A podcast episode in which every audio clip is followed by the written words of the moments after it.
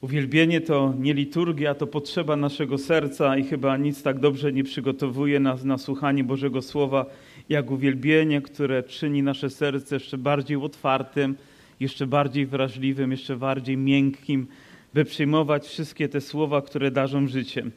Dzisiaj z łaski Bożej, taką mam nadzieję, przejdziemy przez dwa rozdziały, rozdziały końcowe rozdziały Księgi Objawienia, 21 i 22. Ja akurat mam wersję elektroniczną e, Biblii i kiedy zakończyłem 22 rozdział, to wyświetliła mi się jakaś informacja, że oznacz teraz tą książkę jako przeczytaną. Ja mówię, nigdy w życiu nie oznaczę, bo wciąż potrzebuję do niej powracać niezmiennie, a jeżeli oznaczysz jako, jako przeczytaną, będziesz mógł ją ocenić.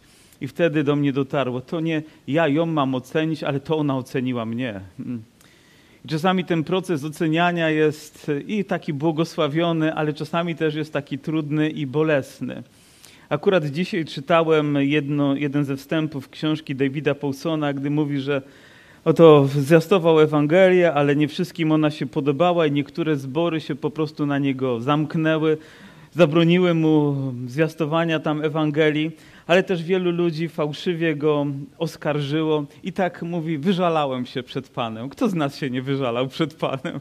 I tak wylepał swoje serce, mówił, Panie Boże, jak to ci bracia mogli w ten sposób powiedzieć o mnie? I wtedy Bóg przyszedł i powiedział, Ty się ciesz. A mówi, jak to mam się cieszyć, że nie wiedzą o Tobie wszystkiego? mówi, bo ja wiem wszystko. I kiedy czytam tą księgę, to mam tą pewność, że Bóg wie o mnie wszystko zna każdą moją potrzebę, zna każdą tęsknotę mojej duszy i ma też odpowiedź na każde pragnienie mojego serca. Amen. I wierzę, że to słowo dzisiaj będzie potrzebne. Oczywiście są różne style podejścia do tej księgi. Czasami jest to podejście takie historyczne, które mówi, o to się po prostu wydarzyło gdzieś tam kiedyś w historii, a my sobie to przypominamy i ewentualnie jaką taką lekką lekcję teraz weźmiemy do naszego, do naszego życia. Jest też takie wyjście, jest też takie rozważanie tej, tej księgi mówiące o tym, że wszystko musimy tak no, w przenośni traktować, żeby niedosłownie traktować, no bo wtedy jest to wręcz, wręcz niemożliwe, żeby tak wyglądała przyszłość i z takimi rzeczami będziemy musieli się mierzyć. Myślę, że ani jeden, ani drugi pogląd nie jest zdrowy. Co prawda historia się wydarzyła i wydarza, się wciąż. Co prawda są lekcje, które musimy w duchowy sposób przyjmować, ale w tej księdze są rzeczy, które się wydarzyły, wydarzają i wydarzać się będą. I czy nam się podoba, czy nie, jest to prawda Bożego Słowa, z którą trzeba nam się zmierzyć i, i, przygotować też nasze serca na to, co nastąpi. A więc nie zabierając już czasu, przeskakujemy do 21 rozdziału i tutaj oto myślę, że słowo szczególnie skierowane do ludzi wierzących, do takich jak wy, moje siostry, moi bracia, do mnie, do mojego serca. I oto mm, autor mówi tak, i widziałem nowe niebo i nową ziemię, albowiem pierwsze niebo i pierwsza ziemia przeminęły i morza już nie ma. I widziałem miasto święte, nowe Jeruzalem, wstępujące z nieba od Boga, przygotowane jak przyozdobiona oblubienica dla męża swego. Kiedy przeczytałem nawet ten pierwszy zwrot, gdy Jan mówi i widziałem, pomyślałem sobie, jeżeli on to przyjął, jak to bardzo musiało zmienić jego życie. Mówi, widział to. A teraz wiemy, że jest świadkiem, któremu możemy zaufać, że on bardzo bardzo prawdziwie, bardzo realnie przedstawia to, co zostało mu objawione i przedstawia kościołom. I nawet pomyślałem sobie tak, a gdy to widział, a później wrócił do rzeczywistości, którą jest zbór, do życia, do zwiastowania, jak ono wyglądało, co zmieniło się w jego życiu, jak jego pasja dla Chrystusa jeszcze bardziej rozbłysła, gdy zobaczył utrudzonych, zmęczonych chrześcijan, poddanych wielkiej próbie, gdy widział zmęczonych i może nawet e, takich fizycznie cierpiących ludzi, to mówi, mówi, nie poddawajcie się, ponieważ wstępuje nowe miasto z nieba, ponieważ Bóg coś wyjątkowego przygotował dla każdego z nas. I też to określenie, które tutaj pada, mówi, i morza już nie ma. Nie wiemy, czy mamy to traktować dosłownie, czy mamy to traktować duchowo, czy po prostu w tamtych czasach morza się tak bardzo obawiano, gdyż tyle tam klęsk, tyle żywiołów, tyle niebezpieczeństw, tyle zagadek przed nimi nieodkrytych. My dzisiaj znamy tą rzeczywistość trochę lepiej, lubimy żeglować, lubimy podróżować, lubimy spacerować nad morzem, nie boimy się w takim wymiarze, w jakim to morze miało miejsce w tamtym czasie, a może po prostu nie potrzeba jest, aby, te, aby to morze było. Wiemy, że symbolem z pewnością w kulturze żydowskiej było to, że morze utożsamiane było z czymś trudnym, z czymś złym, z czymś, czego oni nie potrzebują.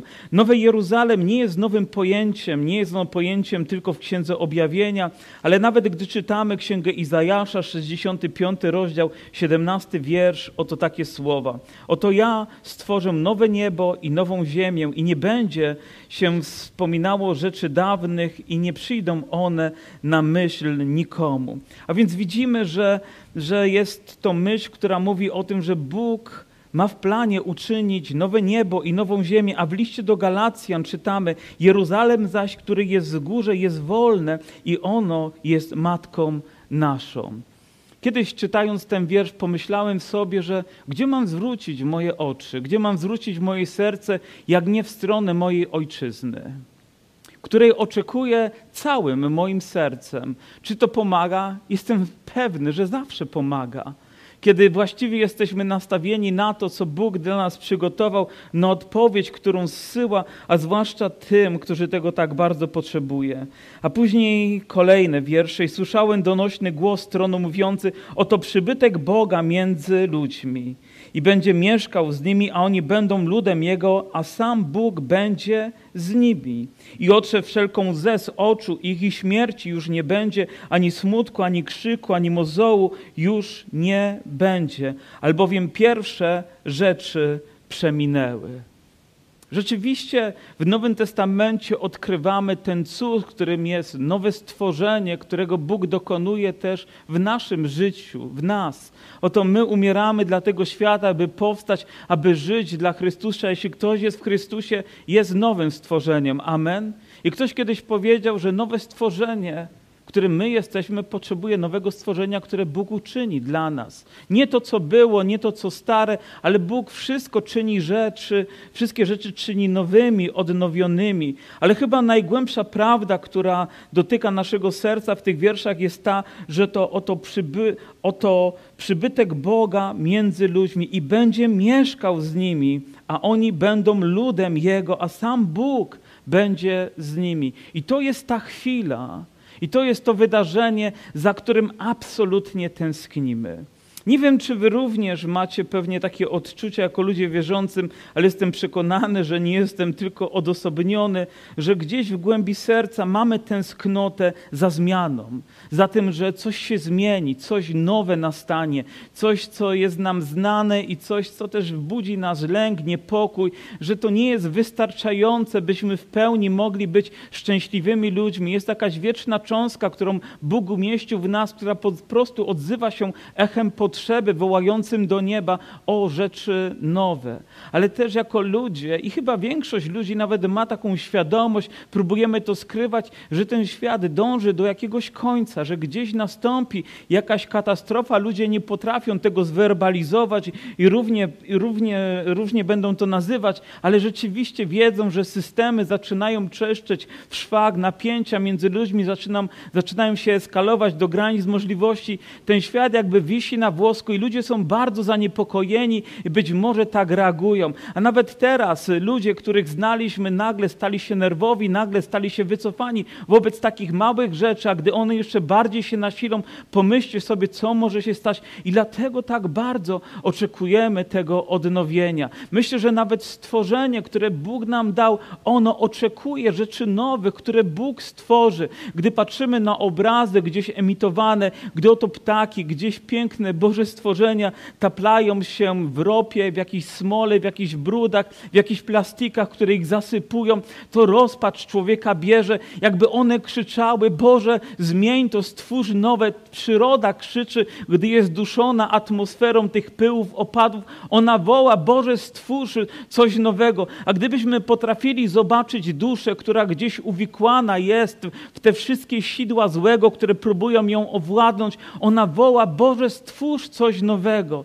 I myślę, że to nowe nadchodzi w całej pełni, nie tylko w jakiejś cząstce. W niedzielę też rozważając słowo, czytaliśmy ten fragment, gdzie Pan Jezus mówi, że nie, On nie daje tylko nowej łatki do starej szaty, ale On rzeczy czyni jakimi nowymi, absolutnie nowymi. Byśmy mogli w całej pełni być wolni i radować się, być szczęśliwi, a Jego obecność pośród nas będzie tego gwarancją. I myślę, że w takich chwilach jak ta, kiedy razem spotykamy się i gdy modlimy się z tą świadomością, że Jezus jest pośród nas, bo przecież to nam obiecał, mamy czasami zaledwie cząstkę tego, jakby ułamek, a wtedy będziemy mogli przeżywać to w całej pełni. Dlaczego? Dlatego tak bardzo tęsknimy za tym wydarzeniem, a ono jest nam objawione. Wiecie, w tym słowie też jest pewne niebezpieczeństwo, które kryje się dla nas. Już nikt, kto przeczytał tą księgę, kto wysłuchał tej księgi, nie będzie mógł powiedzieć, ale ja nie wiedziałem, ale ja nie byłem przygotowany. Nie, ta księga przygotowuje nas,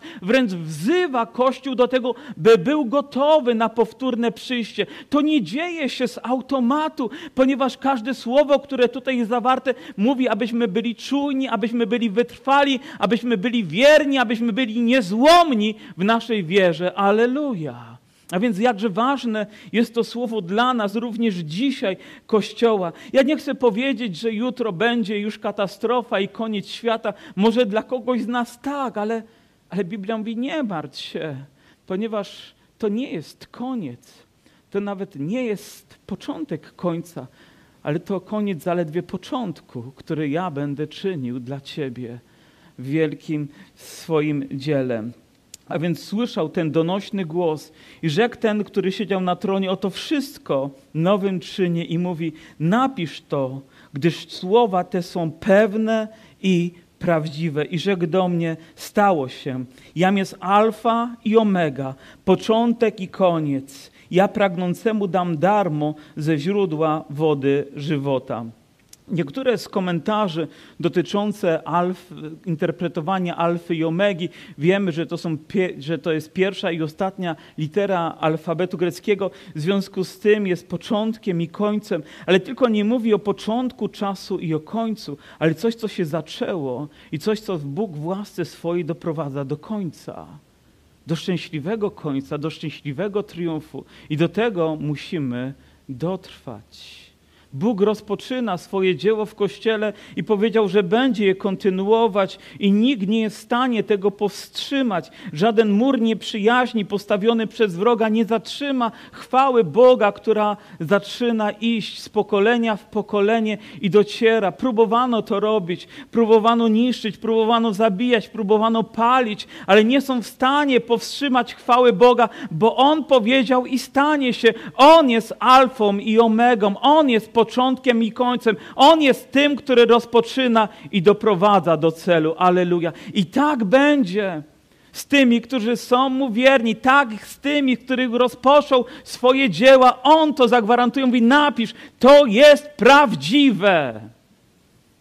A więc możemy z taką ufnością i wiarą to również i przyjąć do naszego życia. Zwycię Zwycięzca odziedziczy to wszystko i będę mu Bogiem, a on będzie mi synem.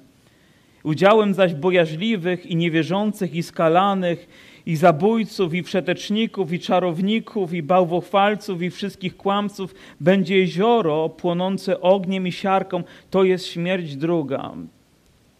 W tych słowach jest ukryta wiadomość, która może się nie spodobać, ponieważ to przesłanie nie jest dobre dla wszystkich, ponieważ udział w tym, co jest tak pięknie tutaj zaprezentowane, jest skierowane do wyjątkowych ludzi, do ludzi wierzących. Mało tego, nazwani są oni również tutaj zwycięzcami i tymi, którzy ci będą mogli być z Bogiem i będą też mieć z Nim tą wyjątkową społeczność. Mówi udziałem zaś.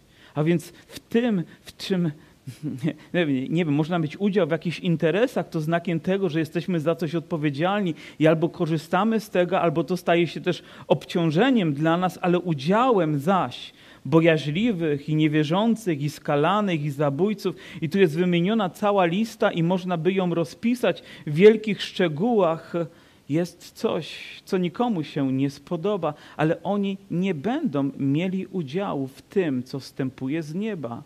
Oni nie będą mieli udziału w tej nowej ziemi i nowym niebie, nie będą mieli udziału w tym, co zaraz z nieba wstąpi i też tak pięknie zostanie nam tutaj ukazane. Nie, nie będą mieli w tym udziału. Wiecie, to bojaźliwy to nie oznacza, że gdzieś pojawia się w nas jakiś strach, jakiś lęk, bo jesteśmy ludźmi i wszyscy mamy chwilę, kiedy nasze serce zabije mocniej z jakiegoś powodu. To może być hałas, to może być coś, co wydarzy się, ale tu chodzi o tych, którzy poddają się temu strachowi, tych, którzy wycofują się, tych, którzy bardziej wybierają wygodę życia przed strachem poniesienia konsekwencji za swoją wiarę, którzy wycofują się i nie dochowują wiary Jezusowi do końca. Oni są nazwani tchórzami, którzy nie są gotowi stanąć po stronie Jezusa Chrystusa. Bóg wzywa nas, abyśmy nie bali się, abyśmy zaufali Mu, abyśmy przezwyciężyli te wszystkie obawy i lęki, które przychodzą i mogli pójść za Nim całym sercem, nie bacząc też na okoliczności. Czy jest w tym cena? Oczywiście, że jest. Ona zawsze była, jest i będzie. Jeżeli ktoś mi mówi, że nie ma ceny pójścia za Chrystusem, to nie wierzę takiej Ewangelii, bo widzę apostołów, widzę jaką cenę oni ponosili, jaką ponosił pierwszy Kościół. To co, my jesteśmy letnimi chrześcijanami, którzy niczym nie muszą się przejmować? Nie, ta letność może nas zniszczyć. Bóg chce gorącej, szczerej, płonącej wiary, która będzie udziałem Jego Kościoła w każdym czasie. A więc zwycięzca, nie ktoś, kto jest niewierzący, a więc świadomie odrzucił wiarę w Chrystusa, ktoś, kto się skalał rzeczami, które nie powinny nigdy mieć miejsca w jego życiu, ktoś, kto krzywdził i wyrządzał zło innym w sposób tak dotkliwy, nawet można to słowem zrobić, zabójców, a też tych, którzy zabijali pierwszych chrześcijan i, zabiera, i zabijają dzisiaj. Jak już czytaliśmy to z różnych źródeł podczas tego zwiastowania całego cyklu Księgi Objawienia i dzisiaj ponad 100 czy 200 tysięcy rocznie chrześcijan ginie za wiarę i to nie są utopijne liczby, ale realne, takie, które rzeczywiście mają miejsce. Wiemy, może się to nam nie podobać. Nie jest to miejsce dla wszeteczników, czyli dla ludzi, którzy ogarnięci są niemoralnością, grzechem cudzołóstwa, wszeteczeństwa, tego, tego wszeteczeństwa związanego z seksem i z pornografią i z życiem pozamałżeńskim we wszelkich kombinacjach, jakie tylko można sobie wyobrazić, i ludzi, którzy zajmują się czarami, i ci, którzy idą za kultem, są bałwochwalcami, kłaniają się fałszywym bogom, fałszywym obrazom, i wszystkich, którzy żyją w kłamstwie. Mówi, dla nich jest przygotowane inne miejsce, płonące ogniem i siarką. To jest śmierć druga. Ale jeżeli będziemy mieli udział w pierwszym zmartwychwstaniu, nie musimy się bać udziału drugiej śmierci, ponieważ zostaliśmy wyzwoleni, prawda? Ale nie wszyscy. I czasami tak bezkrytycznie stajemy nad grobem kogoś, o, nieważne jak żył, Bóg na pewno jest tak łaskawy. Ale ja czytam inaczej. Czytam, że ludzie poniosą konsekwencje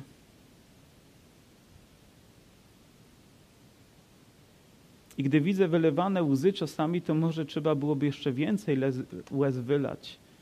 I nie tylko nad tymi ludźmi, którzy odchodzą, ale nad nami, którzy pozostajemy.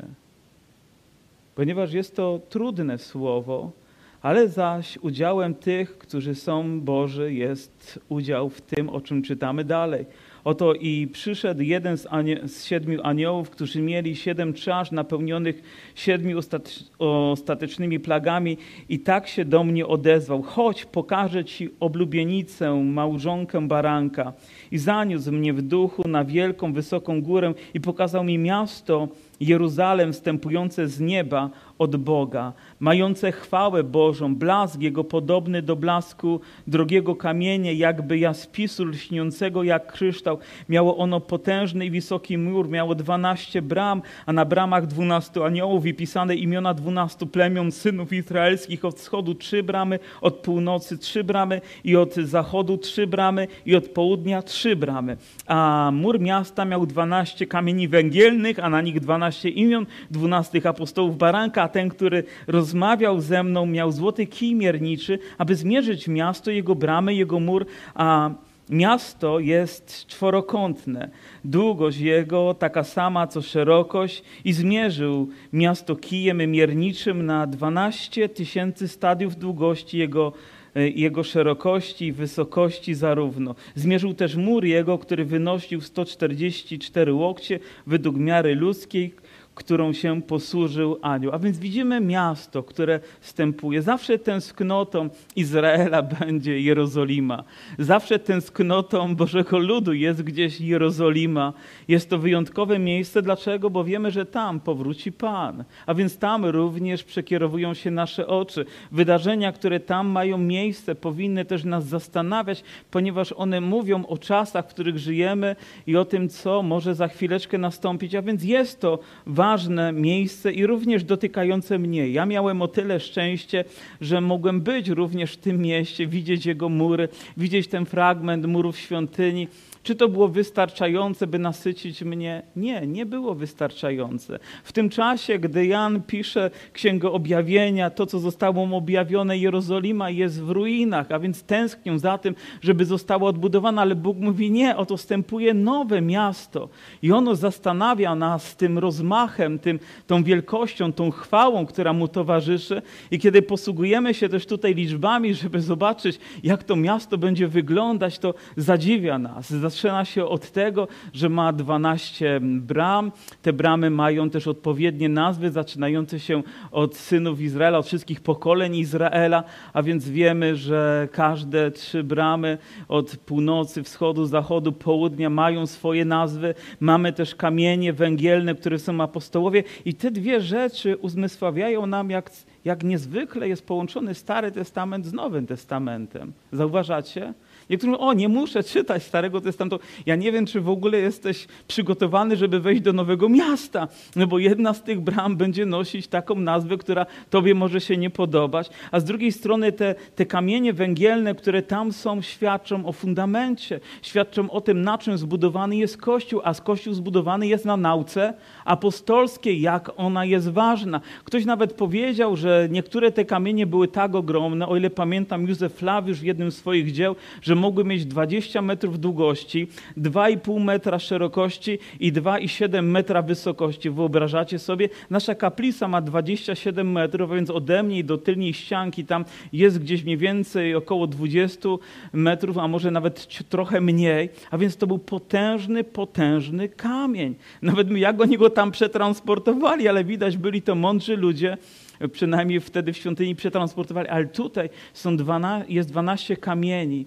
zbudowane, jest to miasto na fundamencie apostolskim. I to dla nas jest cenna lekcja, na czym nasze życie jest zbudowane, na, na jakiej nauce, co jest kamieniem węgielnym naszego nauczania, do czego powracamy i na czym się opieramy. I oby to nie był piasek, oby to nie było coś, co za chwilę się rozpadnie pod ciężarem naszych trosk i problemów, ale Kościół zbudowany na tym mocnym fundamencie przetrwa. I oczywiście fundamentem wszystkiego jest Jezus Chrystus. Ale inna rzecz, że to miasto jest kwadratem, jest czworokątne, w zasadzie sześcianem, co również świadczyło o doskonałości. Kwadrat również mówił o czymś dobrym. W tamtych czasach ponoć, gdyby ktoś do was powiedział, że jesteście kwadratowi, to nie obrażalibyście się, dlatego by to oznaczało, że jesteście dobrymi ludźmi. Tak po prostu pojmowano w tamtych czasach kwadrat. Ale ten kwadrat ma też swoje wymiary i czytamy, że to jest 12 tysięcy stadiów, a więc jednostka, która jest nam nieco obca,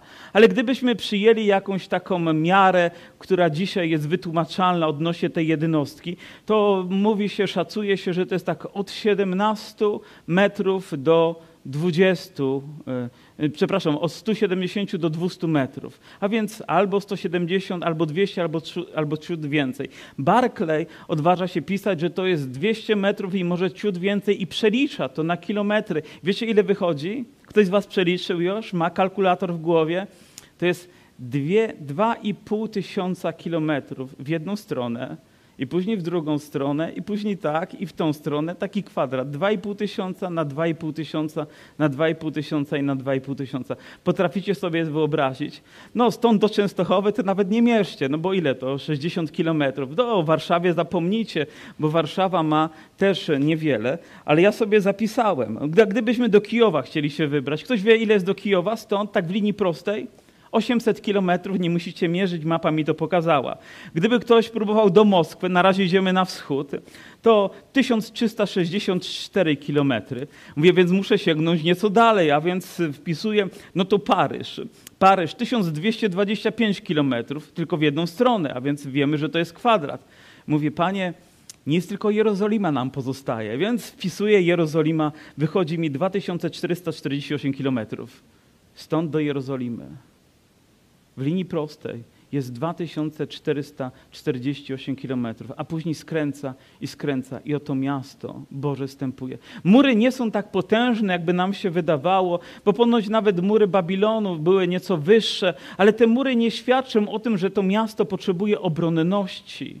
Nie potrzebuje bo przecież Bóg będzie tym, który będzie je chronił i, i, przed wszelkim rodzajem złem, ale też to wiara jest tym, co chroni nasze życie i wiem, że będą tam święci, tak? będą tam Jego ludzie i wierzę, że będziemy mieli, będziemy mieli Bożą ochronę. Dlaczego 12 bram? Dlaczego umieszczone tak na wschód, na północ, na południe, na zachód, we wszystkie strony świata? Czy to oznacza właśnie o powszechności zwiastowania Ewangelii, że z różnych stron będą ludzie przybywać, aby tam się zmieścić, że w każdym każdej części świata Bóg ma swoje dzieci. Interpretujcie, kombinujcie jak chcecie, a może też to oznaczać o tej wielkości, o tej chwale i o, o pojemności i o tym, że Bóg jest otwarty naprawdę na wielu ludzi. Może więcej, na więcej ludzi niż my jesteśmy otwarci. Może my byśmy temu zabronili, a tego przyjęli, a Bóg może inaczej chce, może i tego, i tego przyjąć. To On decyduje o tym, kto tam się znajdzie. On będzie Panem, który zadecyduje również o tym, że i my tam przez wiarę będziemy mogli stanąć. Wiemy też, że że są tam pewne drogocenne kamienie i tak ono jest zbudowane, e, ale też e, te kamienie mówią też o czymś wyjątkowym, że one są nie tylko szlachetne, ale w świetle świetle Bożym ukazują swoją całą naturę piękna. One lśnią z każdej strony, wydają światło takie, jakie żaden człowiek nie może stworzyć w kamieniu, bo to jest czyste światło przenikające przez te kamienie i tylko wtedy, gdy ono tam wpada, ukazuje się w tym jednym momencie, czy coś jest prawdziwe, czy nieprawdziwe, czy świeci, czy gaśnie. W naszych oczach i w naszym świetle jest to nierozpoznawalne. My możemy popatrzeć na jeden i na drugi i nawet wziąć szkło powiększające i może mikroskop i będzie, będziemy patrzyli na inne rzeczy, ale tylko światło jest w stanie zweryfikować jego prawdziwość. Zaświeci, czy też może zblednie, zgaśnie, a może nawet zniknie.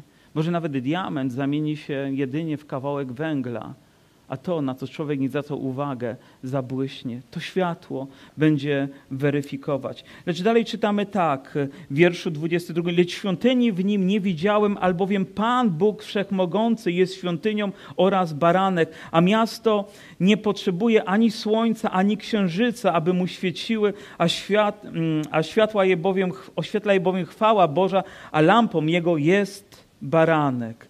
A więc y, o o wielkości jakby nie świadczy ilość, ale obecność. Dzisiaj nie, nie, ilość świadczy o tym, czy coś jest kościołem, czy nie jest, ale obecność Boga. Bo może tam, gdzie jest wiele, okazuje się, że to wcale nie jest święte, a tam, gdzie jest niewiele, okazuje się, że tej świętości jest wystarczające. To Boża obecność daje chwałę i blask Kościołowi. I gdyby nawet nas było tysiąc razy więcej, ale nie było Boga, bylibyśmy jakimś zgromadzeniem, ale nie bylibyśmy Kościołem. Ale gdy dwóch albo trzech zejdzie się, ale będzie tam obecność Boga, to jest Jego żywy, święty Kościół. I tak będzie również i w tym mieście. Jego światłem będzie sam Bóg, który będzie przenikać, będzie oświetlać. Nie będziemy potrzebowali słońca, które może świecić tak, a może być za chmurami jaśniej i, i mniej, i obawiać się, czy będą tam wyładowania, czy nie. Boża obecność będzie tym, co będzie nam absolutnie wystarczać a bramy Jego nie będą zamknięte ani w dzień, ani w nocy. Nie będzie takiej po prostu potrzeby. I i nie wejdzie do niego nic nieczystego, ani nikt, kto czyni obrzydliwość i kłamie, tylko ci, którzy są zapisani w księdze żywota baranka. Wiecie, taka niewinna rzecz, jak kłamstwo, ale kłamstwo jest niczym innym jak życiem w niewprawdzie. A Jezus mówi, że On jest drogą i prawdą i życiem. Może to ludzie, którzy żyją w zakłamaniu, którzy udają kogoś, kim nie są, skrywają swoją prawdziwą naturę, ale na zewnątrz pokazują pozory świętości, dopasowują się do otoczenia, w którym są, do zgromadzenia, w którym są, ale Boga nie oszukamy. Jego spojrzenie w nasze oczy jest wystarczające, by przeniknąć nasze dusze. I oto znowu obraz przenosi się z tego, co na zewnątrz, co zostało tak opisane pięknie do wewnątrz. I pokazał mi rzekę wody żywej, czystą jak kryształ, wypływającą z tronu Boga, baranka, na środku ulicy Jego i na obu brzegach rzeki drzewo żywota, rodzące dwanaście razy, wydające co miesiąc swój owoc, a liście drzewa służą do uzdrawiania narodów.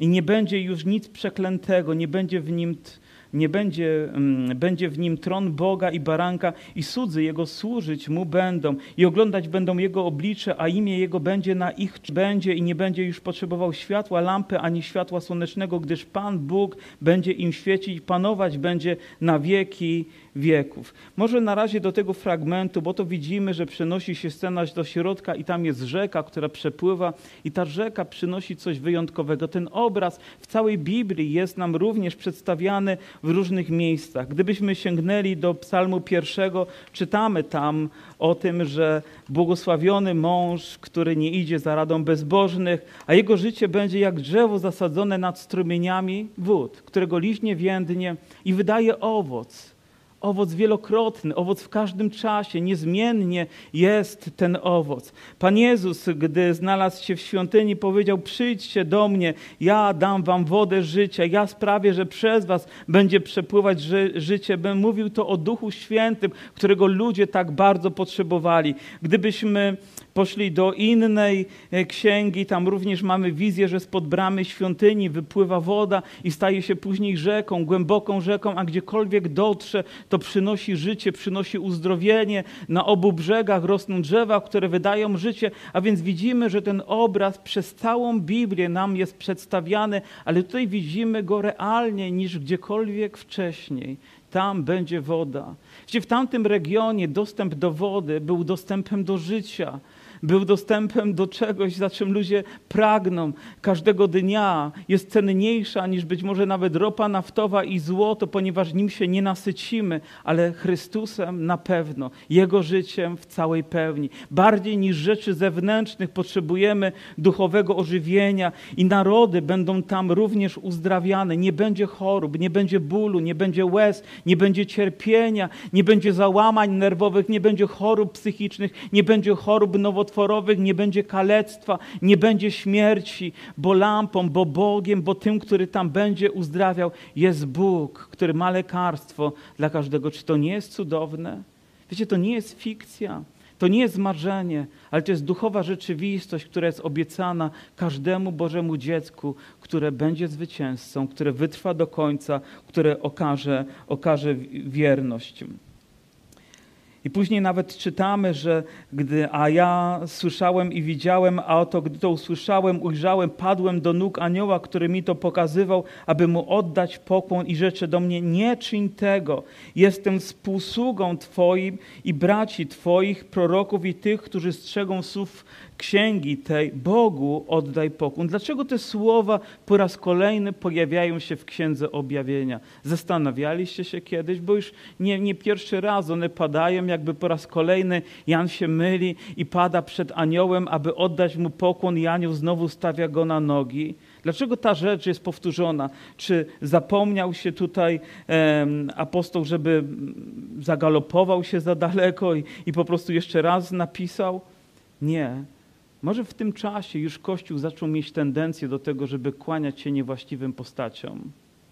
Może już wtedy zaczęto przypisywać aniołom coś, czego nie powinni przypisywać. Może wtedy zaczęło rodzić się coś, co stało się niebezpieczeństwem dla Kościoła, a Biblia mówi, że jedynie Bogu będziemy się kłaniać. I żyjemy w czasach, kiedy łatwo jest pomylić się, Łatwo jest przekierować naszą uwagę i chwałę na to, co nie zasługuje czci. Oczywiście, że aniołowie są ważnymi postaciami w Biblii, są stworzeni przez Boga, ale są również tylko stworzeni przez Boga, a bogami nie są. I nie należy im się żadna boska cześć. Jeden, który próbował sobie to uzurpować, skończył tragicznie i o nim wie, wiemy. I rzeczy do mnie, nie pieczętuj swój proroctwa tej księgi, albowiem czas jest bliski. Zawsze, gdy Bóg kierował słowa, to często mówił zapieczętuj, to zapieczętuj, to zapieczętuj, aby w odpowiednim czasie to otworzyć. A to jak list otwarty. Po prostu idź i mów o tym, idź i objawiaj to, bo czas jest bliski. Jakby rychło Bóg przygotowuje swoje przyjście i chce, by ta księga nie była tylko gdzieś odkładana na półkę, ale była czytana, była rozważana, była studiowana, byśmy nie tylko nasycali nią intelekt, ale nasze serca, ale nie tylko nasze serca zdawali sobie również trud, aby głęboko się nad nią pochylić i studiować i odkrywać tamtą prawdę, która objawia się na naszych oczach, by móc być na ten czas Jego przyjścia przy, przygotowany lepiej niż kiedykolwiek wcześniej. hriešni.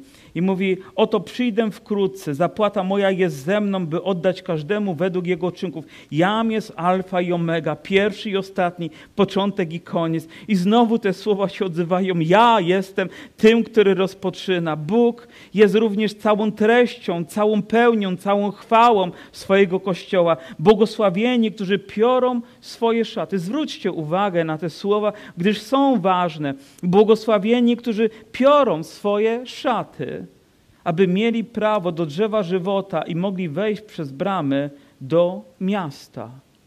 Więc nie tylko dzieło Chrystusa jest czymś automatycznym, ale jest też również potrzebą nas, abyśmy zadecydowali, abyśmy wybrali właściwie, podjęli niezbędne kroki i decyzje, by nasze szaty zostały oczyszczone. Oczywiście wiemy, że we krwi baranka, oczywiście wiemy, że woda życia jedynie może nas oczyścić i uzdrowić. Wiemy, że potrzebujemy zrobić krok wiary, a więc Bóg wykonał swoje dzieło, ale teraz czeka na decyzję człowieka. Barclay opisuje to w bardzo prosty sposób. Dobrze, możesz kogoś z brudnymi rękami zaprowadzić do łazienki, odkręcić kran, dać mydło, ale to on musi sięgnąć po mydło i musi umyć swoje dłonie, żeby po prostu były czyste. Tak, dzieło Jezusa w pełni zostało wykonane, ale my musimy podjąć decyzję, że chcemy z tego dzieła skorzystać. Chcemy, aby nasze serce, nasze życie zostało odnowione Jego łaską i mocą,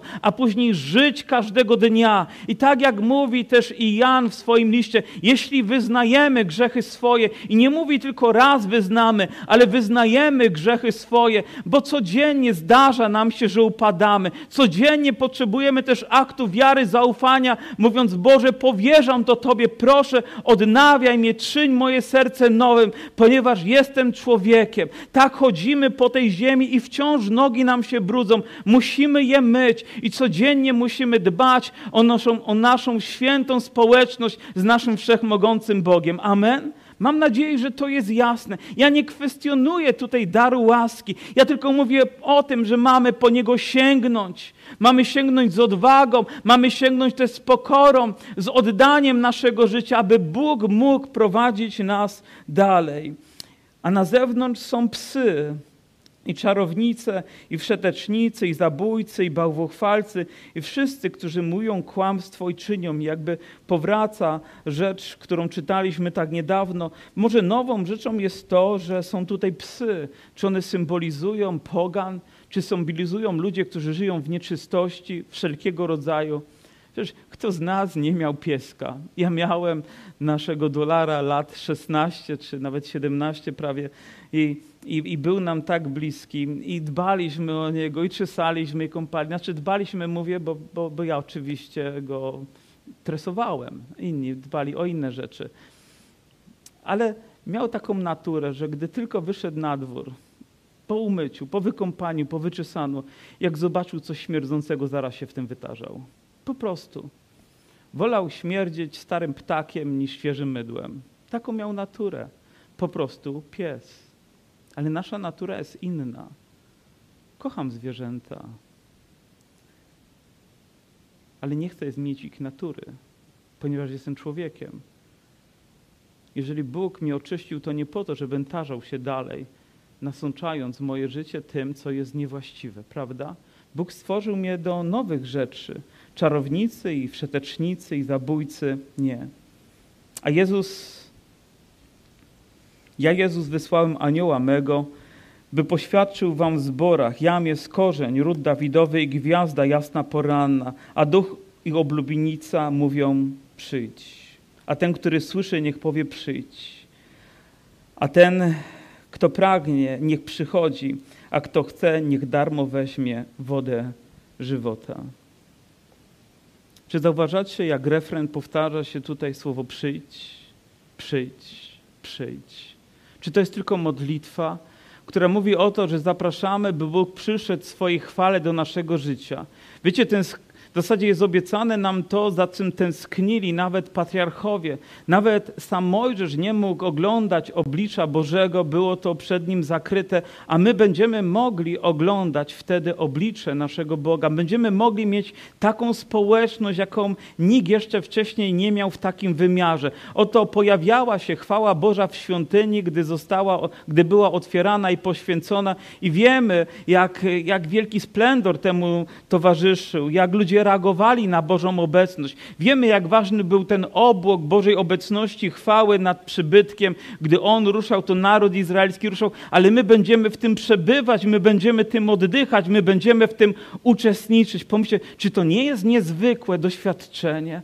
Czy to nie jest to, za czym tęsknimy całym, całym naszym sercem i dlatego mówimy przyjdź, przyjdź Panie, przyjdź i dzisiaj rozwiązuj tak problemy mojego życia, przyjdź, dokonuj swojego dzieła we mnie, mnie, bo Twoje dzieło jest wystarczające, by to mogło w mocy okazać się we mnie, ale przyjdź też, Panie, i bądź rozwiązaniem wszech rzeczy, wszech problemów, coś, czego człowiek nie potrafi rozwiązać, Ty rozwiążesz, Twoja obecność będzie wystarczająca. Czy nie za tym właśnie tęsknimy?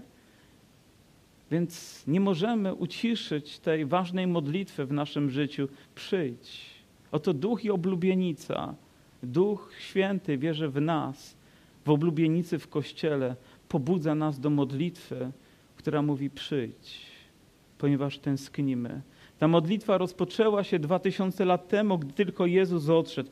Ta modlitwa była przez całe wieki, gdy Izrael tęsknił za przyjściem Mesjasza. Co prawda nie zauważyli Jego pierwszego przyjścia, bowiem zbagatelizowali i do dnia dzisiejszego potrzebują zrozumieć, że Jezus był tym Mesjaszem, potrzebują się po prostu na nowo narodzić jak każdy człowiek. Nie wystarczy tylko religijna świadomość tego, ale potrzeba odrodzonego serca, by móc doświadczyć tego, co Bóg Bóg przygotował swojemu Kościołowi w tak wielkiej chwale i dlatego mówimy przyjdź, ale też modlimy się, żeby przyszedł do naszych domów, do naszych rodzin, żeby przyszedł do nas i dokonał swojego odnowionego dzieła w nas. Co do mnie, to świadczę każdemu, który słucha słów proroctwa tej księgi. Jeśli ktoś dołoży do nich, dołoży mu Bóg plag opisanych w tej księdze. A jeśli ktoś ujmie coś ze słów tej księgi proroctwa, ujmie Bóg z jego działu, z drzewa żywota i ze świętego miasta opisanych w tej księdze. Chyba żadna inna księga nie kończy się takimi słowami, tak poważnie skierowanymi. Nie ważcie się cokolwiek z tej księgi ująć, ani cokolwiek do niej dołożyć. Myślę, że całe słowo jest zapieczętowane tak, w tym znaczeniu, że, że ono jest wystarczające do naszego zbawienia, odkrywania tego, kim Bóg jest i dokładanie czegokolwiek jest tak ogromnym niebezpieczeństwem dla Kościoła. I kiedy ja słyszę, ktoś mówi nowa Ewangelia, albo nowe objawienie, albo coś nowego, to ja drżę, bo to, co stare, jest dla mnie wystarczające. Ta księga jest dla mnie wystarczająca. Nie muszę nic do niej dodawać, ale też nie chciałbym niczego pominąć. Coś, co ujęłoby być może potrzeby przygotowania, ujęłoby chwały Bożej, ujęłoby tego, czego Kościół potrzebuje doświadczyć. Niektórzy nawet mówią, o to chyba nie Jan pisał te słowa, ktoś prawdopodobnie, żeby przy przepisywaniu nikt się nie pomylił, to dał jako takie ostrzeżenie, ale ja tak nie wierzę. Wierzę, że Jan był autorem i tych słów, a napisał je dlatego, by strzec by nic nie ująć, by zachować to pierwotne przesłanie. Pewnie pokusy po drodze były różne, a może to powinniśmy inaczej zrozumieć, a może to powinniśmy zmienić, ale moje siostry, moi bracia, Boże Słowo przez wieki się obroniło i broni się do dnia dzisiejszego i my mu nie musimy w tym pomagać, zmieniając, ujmując, lekceważąc, bagatelizując. Ono ma swoją chwałę i będzie miało czytamy, że ono jest jak miecz obosieczny. Kiedy Paulson opowiada też o tym mieczu obosiecznym, mówi, że on był tak duży, tak ciężki, że jeden sprawny żołnierz, gdy nim siekł, to potrafił sześciu naraz zabijać, że ciął, powiem, i, i zarówno ciało, jak i zbroję, która na nim było, przenikał wszystko. Jakby nie było broni, która mogłaby mu się przeciwstawić, był tak potężny. A cóż dopiero z Bożym Słowem, które jest tym, co przenika naszą duszę, naszego ducha, nasze ciało. Ale na koniec oto czytamy tak. Mówi ten, który świadczy o tym, tak przyjdę wkrótce. Amen, przyjdź, Panie Jezu. I myślę, że jest to tęsknota naszej duszy i modlitwa, którą powinniśmy wznosić, ale końcowy wiersz. Łaska Pana Jezusa niech będzie z wszystkimi. Amen. I ktoś powiedział, że ostatnim słowem, na które zwracamy uwagę w tej księdze, to łaska. Łaska. Łaska Chrystusa. Dla każdego, kto czyta, dla każdego, kto słucha, dla każdego, kto przyjmuje. Łaska nasza, naszego Zbawiciela trwa do dnia dzisiejszego. Jest również dzisiaj dla nas, dla tego zgromadzenia, dla mojego i dla Twojego serca. Mówiłem Wam już, że przeczytałem tę księgę, aplikacja powiedziała oznacz jako przeczytaną. Mówię, nie odważę się tego zrobić. Wciąż będę do niej powracać. W zasadzie teraz czytam pierwsze księgi mojżeszowe i ostatnią księgę i trochę w środku. Mam jakby początek i koniec. Widzę, jak to było na początku i znam zakończenie i wiem, co jest treścią i powiem, nie potrzebuję więcej, by być szczęśliwym. Ona nasyca mnie całkowicie, objawia mi to, co potrzebuję wiedzieć o Bogu, przygotowuje mnie na to, co Bóg przygotował w swojej chwale i za czym też tęsknię. Tęsknię za nowym niebem, za nową ziemią, tęsknię za nowym Jeruzalem, ale przede wszystkim tęsknię za moim Panem, za Jego obecnością, za Jego bliskością. I nie muszę się tego obawiać, wiedząc, że Jego łaska jest w moim życiu, że Jego krew obmywa mnie, że On strzeże mnie, abym mógł kroczyć dalej, dodaje mi sił. Nie chcę być tchórzem, który ucieka, który nie jest gotowy przyjąć zobowiązań, który zapiera się imienia Pana Jezusa, wybierając wygodę życia, ale staję i chcę w każdym miejscu i w każdym czasie powiedzieć: Przyjdź, Panie Jezu. Oto przeczytaliśmy tę księgę i rozważyliśmy ją. Oczywiście, gdybyśmy chcieli w pełni studiować, pewnie lata by nam to zajęło, ale wystarczające, by wrócić do naszego życia, ale wrócić jako odmienieni ludzie. Żeby nawet gdy przyjdzie trudność, powiedzieć: Panie, to jest nic w porównaniu z tym, co Ty przygotowałeś dla mnie. Panie, ta rzecz jest nie warta tego, bym zamartwiał się tak, by zabrać całą radość z mojego życia, ponieważ wiem, co Ty dla mnie przygotowałeś. Panie, nie ma takich rzeczy, które bym nie poświęcił, ponieważ wiem, co Ty przygotowałeś.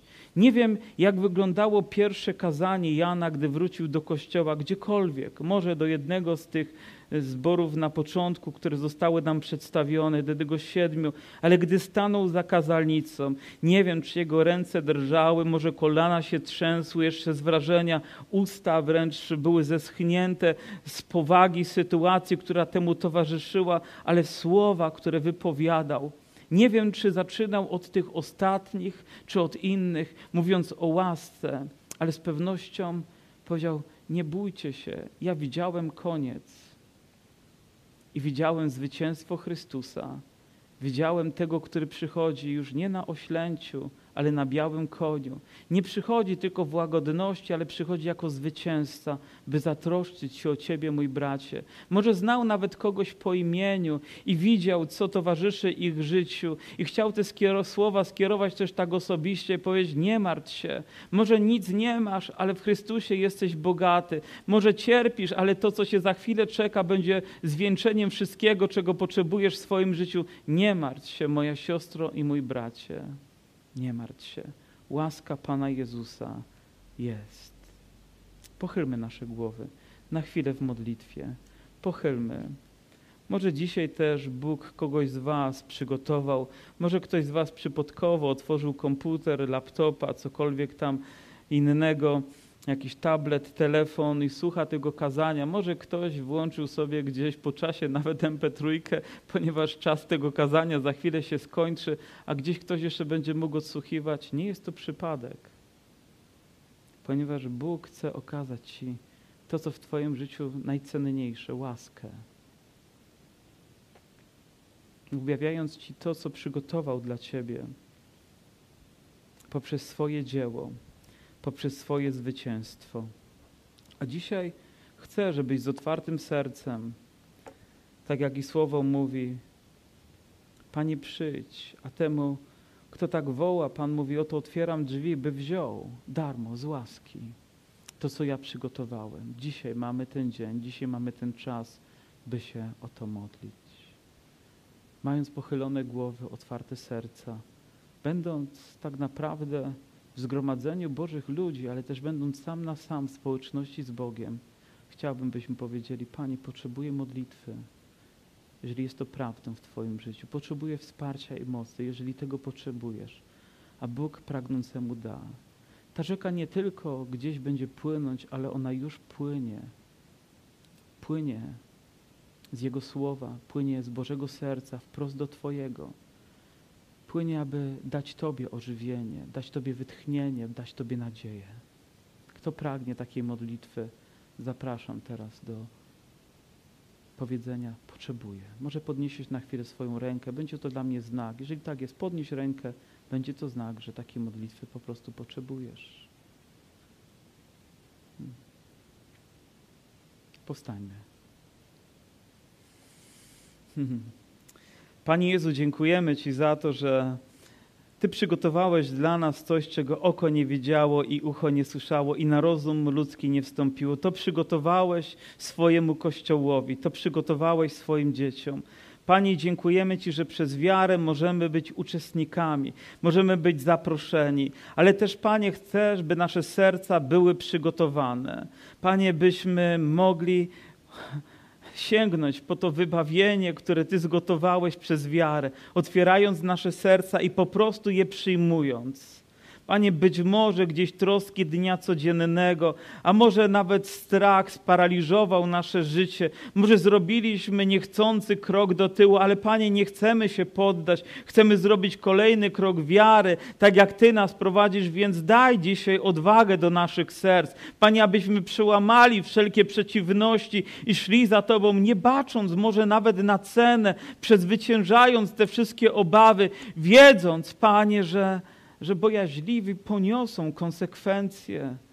Panie, modlimy się o odważne serce, by Ciebie uwielbiać, by Ciebie wyznawać, by się modlić. Przyjdź, Panie Jezu, byśmy nie musieli drżeć w obawie, Panie, na ten dzień, kiedy trąba się odezwie, kiedy żywioły się otworzą i kiedy wszystkie te kataklizmy będą miały tą eskalację, Panie, która przerazi świat. Ludzie będą krzyczeć z rozpaczy, ale Panie, nie Twój Kościół. My będziemy oczekiwać nowego stworzenia, my będziemy oczekiwać nowego Jeruzalem, my będziemy oczekiwać Twojej chwały, bo pragniemy w niej przebywać. I Panie, i dzisiaj są tutaj osoby, które tęsknią za tym, bo są zmęczeni. Naprawdę są zmęczeni. Panie, są utrudzeni, są obciążeni i tęsknią całym sercem. I Panie, wiem, że ten dzień przyjdzie, ale dzisiaj, Panie, niech nadzieja, która rodzi się przez to słowo, będzie tak silna, tak wielka, Panie, że przezwycięży te wszystkie ziemskie trudności. I da jeszcze bardziej nam ducha ochoczego w oczekiwaniu, ducha płonącego w gorliwości dla Ciebie. Ty nie chcesz, byśmy byli letni. Panie, byśmy byli tacy, którzy nawet nie są godni, byś trzymał ich gdzieś w ustach, Panie, ale mówisz, wypluje. Boże, nie chcemy tego. Chcemy być oddani Tobie w szczerości naszego serca. Panie, i iść za Tobą ze wszystkich naszych sił. Prosimy Cię, Boże ponieważ chcemy oglądać to, jak wstępuje nowe miasto, tak potężne, pełne złota i chwały, pełne Twojej obecności. Panie, dziękujemy Ci za, za tę księgę, którą mogliśmy czytać i rozważać, przyjmować i Panie, żyć jej realnością w naszym życiu. I Panie, niech ona stanie się błogosławieństwem. Nie chcemy nic do niej dodać, ani nic niej ująć. Niech ona będzie tak i amen, a łaska Twoja niech będzie w naszym życiu na zawsze. Amen. Amen.